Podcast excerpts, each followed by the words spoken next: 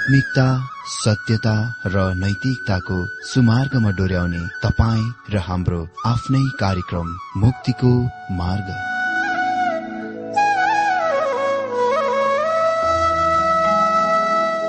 आदरणीय श्रोता यस मुक्तिको मार्ग कार्यक्रममा हार्दिक स्वागत छ। आशा छ यस आत्मिक कार्यक्रमद्वारा जीवनमा आत्मिक आशिष अलौकिक शान्ति र आनन्द प्राप्त गर्नुहुनेछ। र जीवनमा धन्य अनुभव गर्नुहुनेछ। आउनुहोस् श्रोता। मन र आत्माको तयारीको लागि यो मिठो अनि मधुर भजन गीत सुनौ। एउटा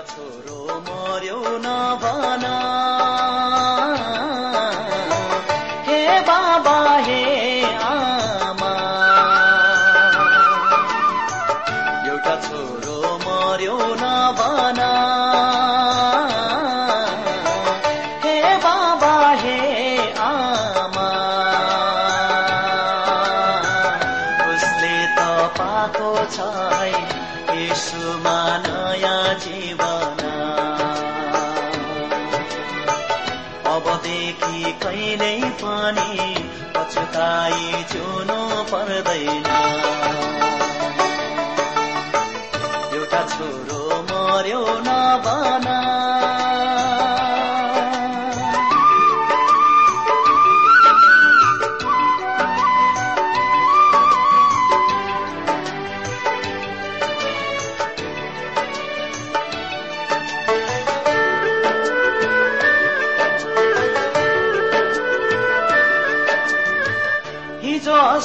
बिक्री हिँड्दा मेरो छोरो होइन भन्यो। आज छोरो सुत्री जिउँदा। किन उसलाई मर्यो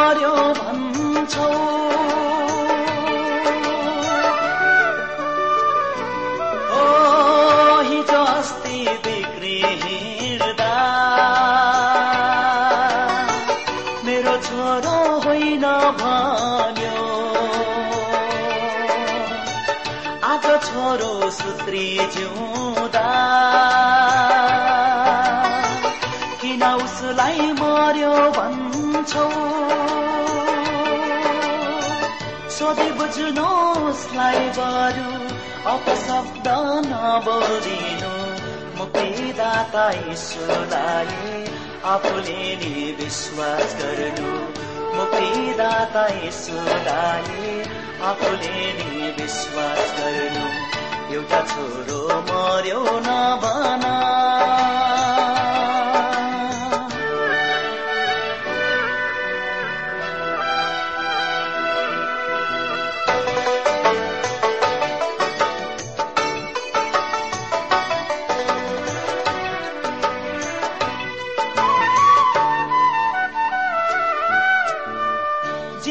उसको बदलिएको छ एउटा सुन्दर परिवार छ। न त झुम्छ बनसामा न खेल्छ जुवा तासा।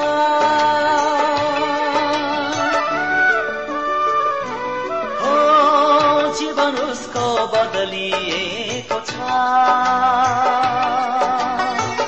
एउटा सुन्दर परिवार छ। न त झुम्छ बनसामा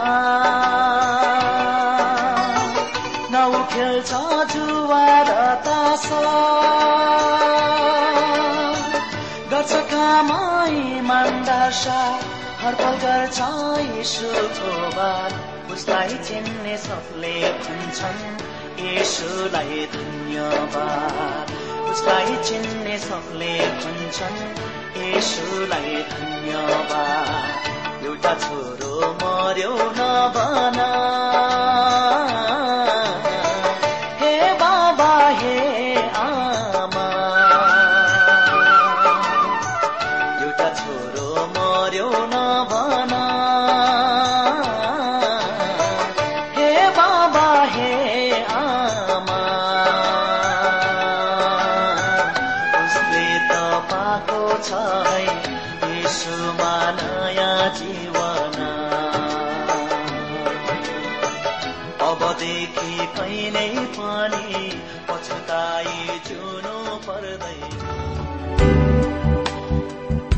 प्रिय श्रोता यो प्रसारण मार्फत यो अवगत गराउन चाहन्छौ कि प्रभुको सेवाको लागि यहाँहरूको साझेदारी नित्यन्त आवश्यकता छ।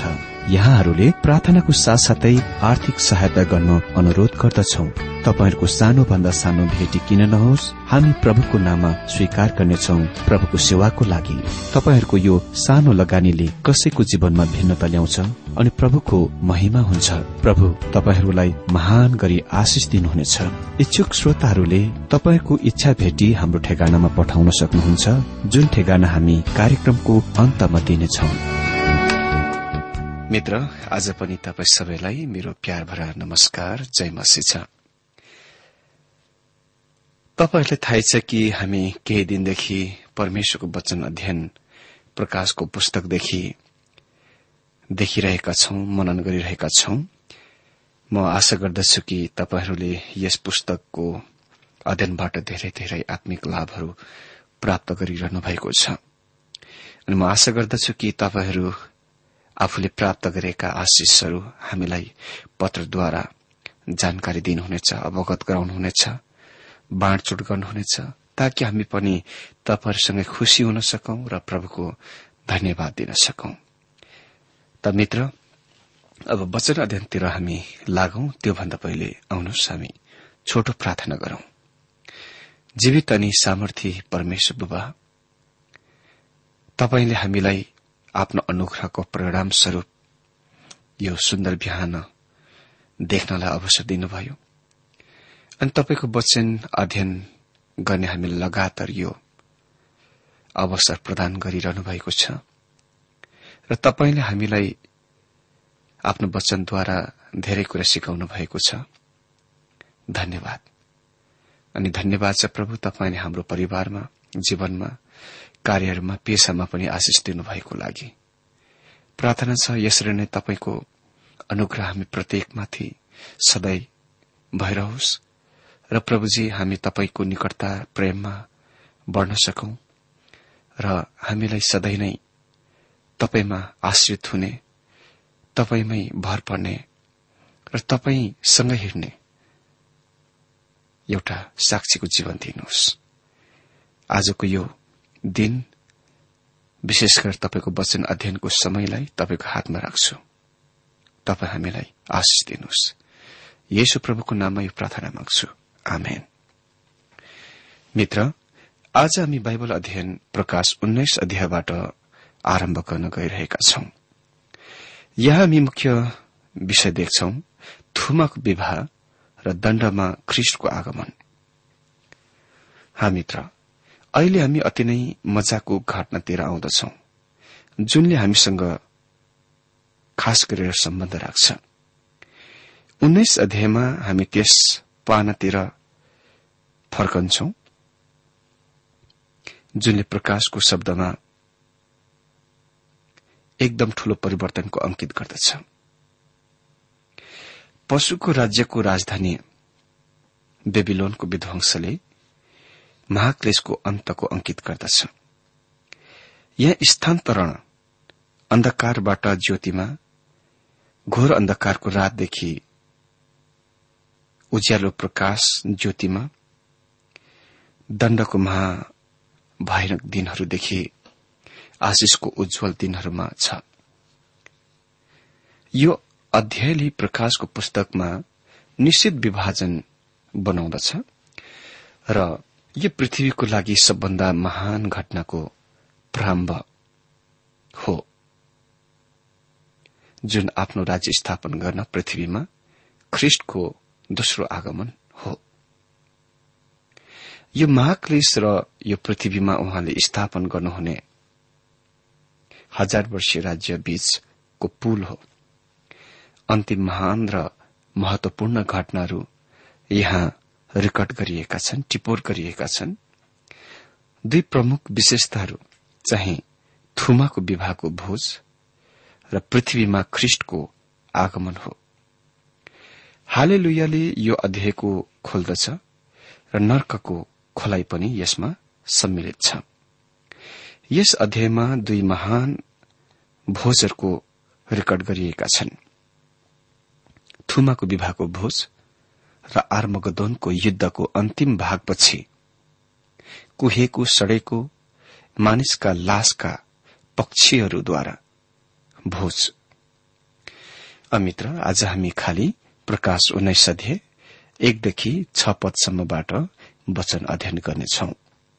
यहाँ हामी देख्छौ चार हाले लुयाहरू जब प्रकाश उन्नाइस अध्याय खोलिन्दछ स्वर्गीयको आवाजहरू एक कोरस बन्दछ।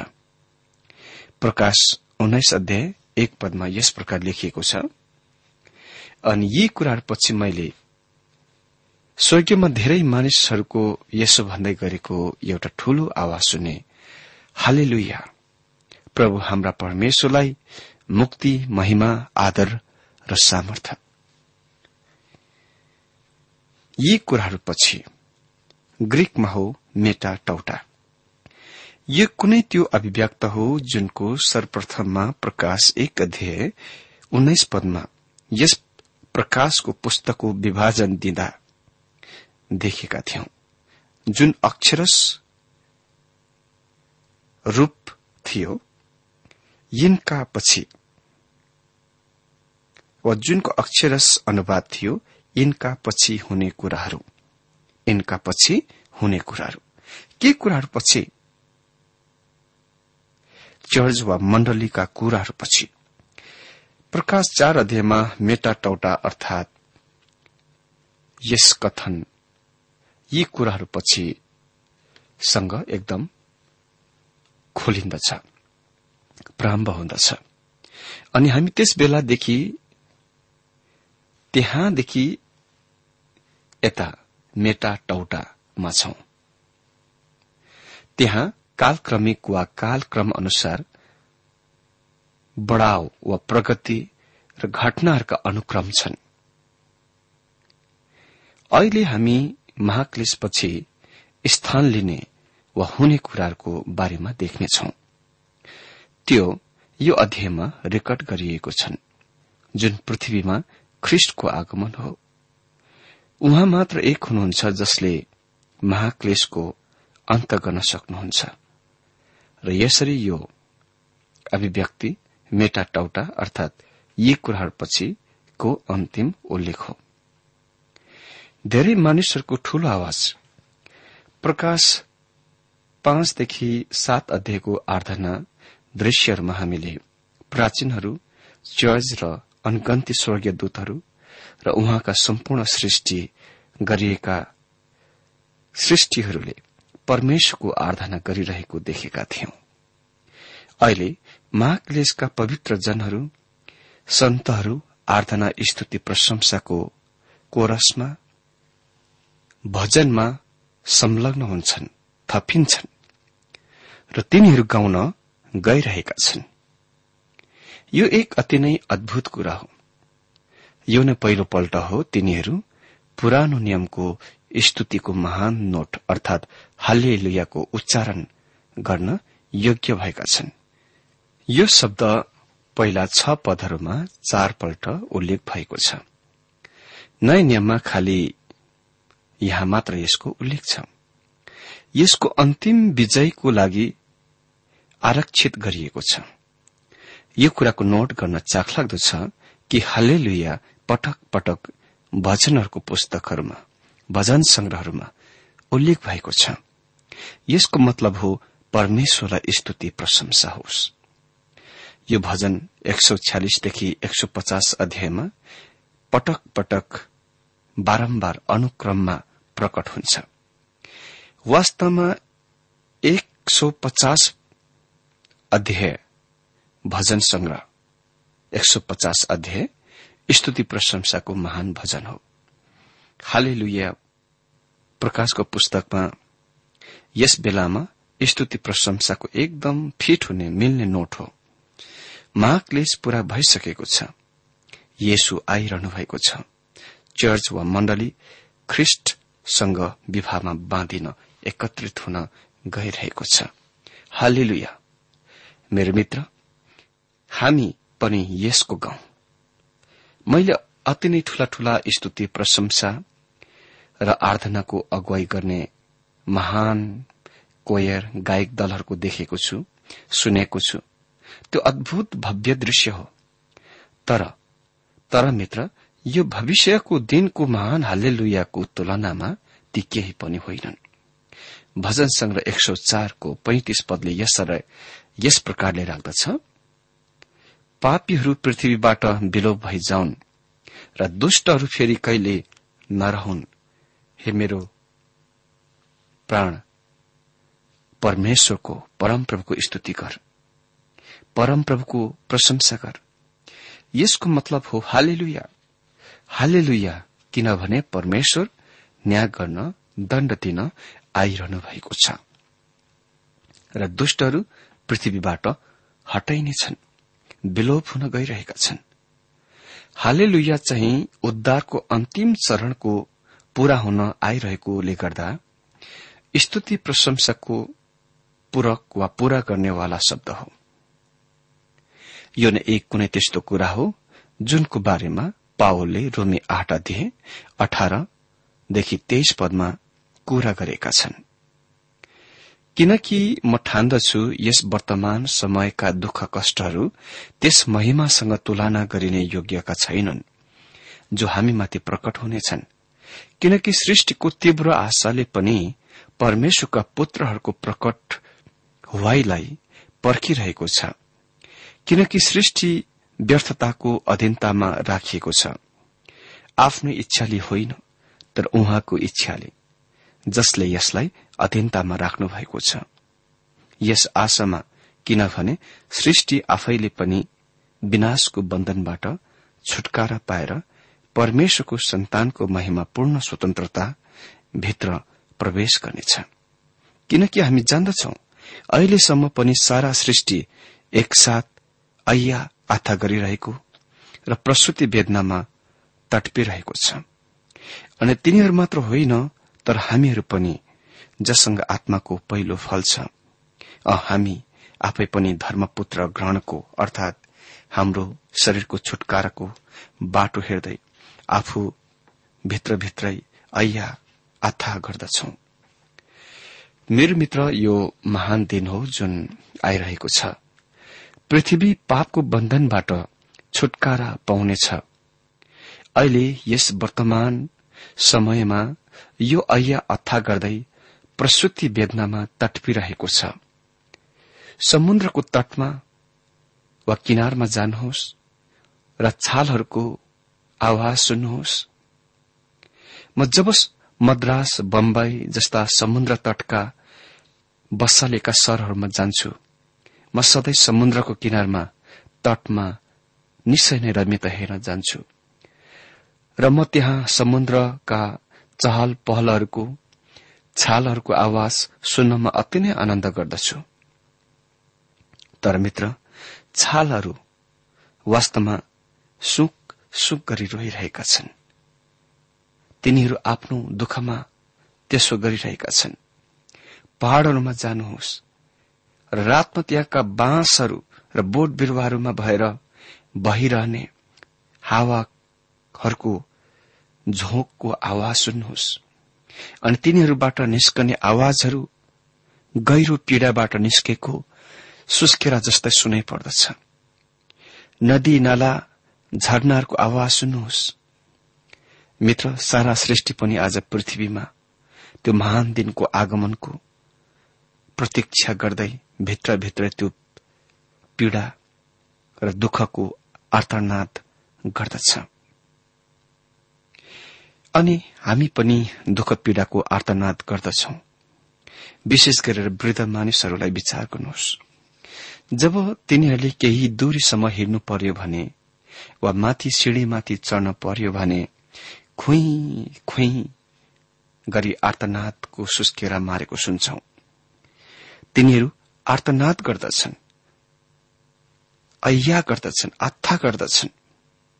एक किसिमले किनकि हाम्रो शरीर जति वृद्ध हुँदै जान्छ त्यति नै धेरै कमजोर हुँदै जान्छ। हामीमा तागत घट्दै जान्छ। अनि यही कुरा बिरामी रोगीहरूको सम्बन्धमा पनि सत्य छ। मित्र शास्त्रले भन्छ कि हामी आफैभित्र आया आथा गर्छौं आर्तनाद गर्दछौ। अनि हामी सबै आर्तनाद गर्दछौ जबसम्म हामी यहाँ पृथ्वीमा छौं। वा हुन्छौ। तर एक दिन आर्तनाद अय्या अथा वेदनामा तटपाई हालले लुयाहरूमा परिवर्तन हुन गइरहेको छ। अनि त्यही नै त्यसकै बारेमा युहनाले यहाँ कुरा गरिरहेका छन्। प्रकाश उन्नाइस अध्याय दुईदेखि चार पदमा यस प्रकार लेखिएको छ। किनभने उहाँका न्यायहरू सत्य र धर्ममय छन् किनकि उहाँले त्यस महावेश्याको न्याय गर्नुभएको छ जसले आफ्नो व्याविचारद्वारा पृथ्वीलाई भ्रष्ट पारेकी थिए अनि त्यसका हातबाट उहाँले आफ्ना दासहरूको रगतको बदला लिनुभएको छ। अनि फेरि तिनीहरूले भने हाले अनि त्यसको धुवा सदा सर्वदा उभो गइरहन्छ। अनि चौबिस प्राचीनहरू र चार जीवित प्राणीहरू भुइँमा घोप्टे र आमेन हालेलुया भन्दै सिंहासनमाथि बस्नुहुने परमेश्वरलाई दण्डवत गरे। यो कुराको नोट गर्न चाखलाग्दो कुरा छ कि यी दण्डहरूका अन्तमा निष्कर्षमा स्वर्गीयमा हुनेहरू जो तपाईँ र म भन्दा अधिक धेरै सिद्ध ज्ञान छ तिनीहरू यो भन्नमा योग्य छन् कि दण्डहरू सत्य र बिल्कुल सही छन्। यदि तपाईँ सोच्नुहुन्न परमेश्वर जे गरिरहनु भएको छ त्यो सही वा ठिक छैन? भनेर तपाईँ सोच्नु हुन्छ भने तपाईँ त्यो गलत सोचिरहनु भएको छ। परमेश्वर गलत हुनुहुन्न। तपाईँको सोचाइ मेरो जस्तै निश्चय नै अपूर्ण छ असिद्ध छ। परमेश्वर महान वेश्यालाई दण्ड दिने काममा धर्मी हुनुहुनेछ। यो एकदमै चाखलाग्दो छ किनभने जब हामी सत्य विश्वास त्यागी चर्चको प्रतिनिधित्व गर्ने महान वेश्याको दण्डको बारेमा पढ्छौं जुन क्लिसमा गएथ्यो शास्त्रले भन्छ कि पृथ्वीका राजाहरू र ख्रिस्ट विरोधीले त्यस वेश्यालाई नष्ट गर्यो। तैपनि हामीलाई यहाँ भनिएको छ परमेश्वरले नै त्यसलाई वास्तवमा दण्ड दिनुभएको थियो। हेर्नुभयो परमेश्वरले विभिन्न औजारहरू साधनहरूको प्रयोग गर्नुहुन्छ र उहाँले आफ्नो उद्देश्यको पूरा गर्न शैतानलाई पनि प्रयोग गर्न सक्नुहुन्छ र गर्नुहुनेछ।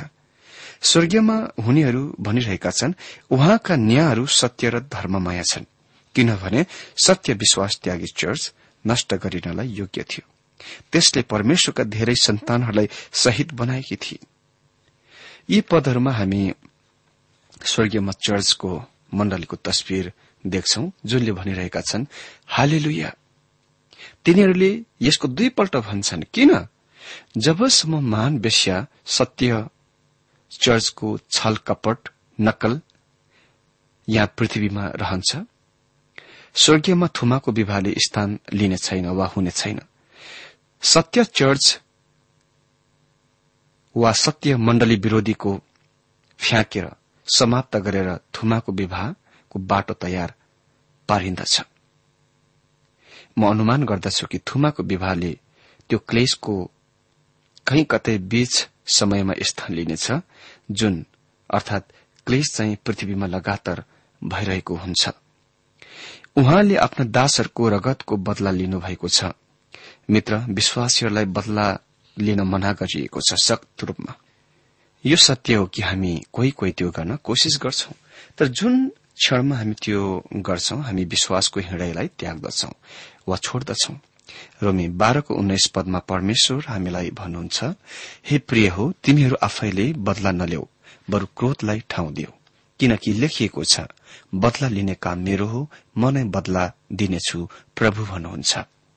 मित्र परमेश्वरले तपाईँको लागि बदलाको सम्भाल्नुहुनेछ यदि हामीलाई आघात गरिन्दछौ भने अनि हामी धेरै आघात गरिएका पनि छौं। हामी तुरन्तै त्यसको फर्काउन चाहन्छौ। त्यो स्वाभाविक हो। त्यो पुरानो स्वभाव हो जुनले त्यो गर्छ। तर मित्र हामीले त्यस विभागलाई र त्यस मामलालाई परमेश्वर कहाँ सुम्पिदिनुपर्छ। उहाँले कसैलाई पनि गलत र अपराधसँग बिना दण्ड उम्कन दिनुहुने छैन। बदला दिने उहाँको हो। अनि उहाँले सत्य विश्वास त्यागी प्रणालीमाथि दण्ड ल्याउनुहुनेछ। चौविस प्राचीनहरूले सर्वप्रथममा हालेलुयाको गीत स्तुति गाउँदछन्। अनि प्रकाश चार अध्यायमा उल्लेखित प्राचीनहरू धर्मगुरूहरू हामी चर्च हो भनी विश्वास गर्दछौ। अनि यो नै अन्तिम समय हो कि प्राचीनहरू वा धर्मगुरू त्यस प्रकारले त्यसरी प्रकट हुन्छन्। तर अहिले रूप आँकडा बदलिन्छ र चर्च ख्रिस्टको दुलाही बन्दछ। चर्च वा मण्डली शब्दको अर्थ हो बोलाइएकाहरू। यहाँ पृथ्वीमा हामी चर्च वा बोलाएकाहरू हौ तर हामीले पृथ्वी छोडिसकेपछि हामी ख्रिष्टको दुलाई हौ। अनि पाँच र छ पदमा यस प्रकार लेखिएको छ म पढिदिन्छु। अनि सिंहासनबाट यसो भन्दै गरेको एउटा आवाज आयो यो सबै उहाँका दासहरू हो र उहाँको डर मान्नेहरू हो। दुवै साना र ठूला हाम्रा परमेश्वरलाई प्रशंसा गर।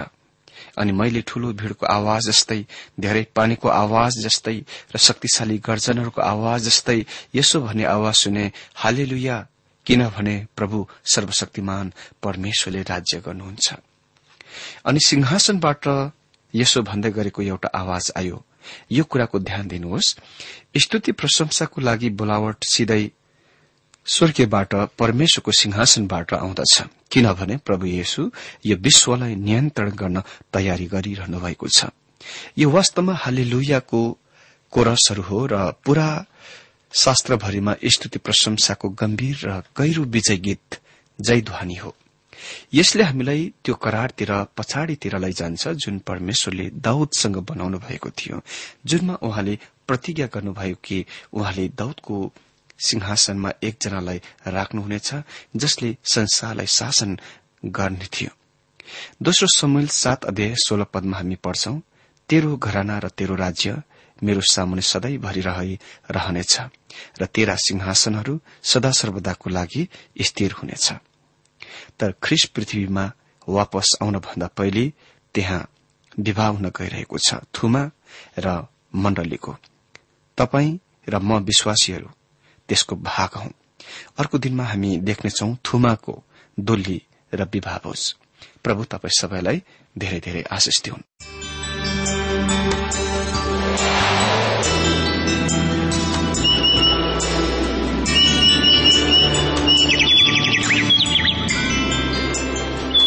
प्रिय श्रोता अहिले भर्खरै तपाईँले टीडब्ल्यूआर नेपालद्वारा संचालित आत्मिक कार्यक्रम मुक्तिको मार्ग सुनिरहनु भएको थियो। श्रोता आजको यो कार्यक्रम सुनेर तपाईँलाई कस्तो लाग्यो? यदि यो कार्यक्रम सुनेर मनमा कुनै खुल्दुली वा कुनै प्रतिक्रिया अर्थात सुझावहरू छन् भने हामीलाई पत्रद्वारा लेख्न सक्नुहुनेछ। हामी हृदयदेखि नै स्वागत गर्नेछौ स्वीकार गर्नेछौ साथै बाइबल सम्बन्धित प्रचारहरू कार्यक्रम सारणीहरू हामी अनुरोधमा पठाउन सक्छौ। अनि तपाईँसँग कुनै प्रार्थनाको विषय छन् भने हामीले तपाईँको लागि प्रार्थना गरेको चाहनुहुन्छ। भने प्रभुमा आफ्नै परिवार सम्झेर हामीलाई पत्रमा लेख्न सक्नुहुनेछ। तपाईँको लागि हामी प्रभु येशुसँग प्रार्थना गर्नेछौ। अधिक जानकारी र पत्रचारको लागि हाम्रो ठेगाना यस प्रकार छ। कार्यक्रम मुक्तिको मार्ग जीपीओ नम्बर उनानब्बे पचहत्तर इपिसी पच्चिस एकसठी काठमाडौँ। ठेगाना एकपल्ट सुन्नुहोला। कार्यक्रम मुक्तिको मार्ग जीपीओ नम्बर उनानब्बे पचहत्तर इपिसी पच्चिस एकसठी काठमाडौँ। हाम्रो इमेल एड्रेस हो TWR Nepal at Yahoo dot com. साथै यस नम्बरमा एसएमएस गर्न सक्नुहुनेछ। अन्ठानब्बे चार सत्तरी पैंतिस छ सय उनासी नौ आठ चार सात जिरो तीन पाँच छ सात नौ। हुन्छ श्रोता आजलाई हामी विदा चाहन्छौ। अर्को कार्यक्रममा हामी पुनः भेट्नेछौ तबसम्मलाई नमस्कार।